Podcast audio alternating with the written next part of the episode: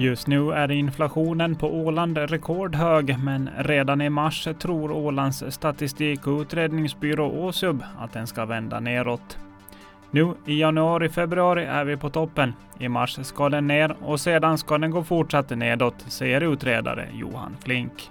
Att hyra ut fartyg för att använda som flyktingboende har fungerat över förväntan för Tallink Silja. Efter att kriget i Ukraina inleddes har bolaget chartrat fartyg för inkvartering av flyktingar och asylsökande i Estland, Storbritannien och Nederländerna.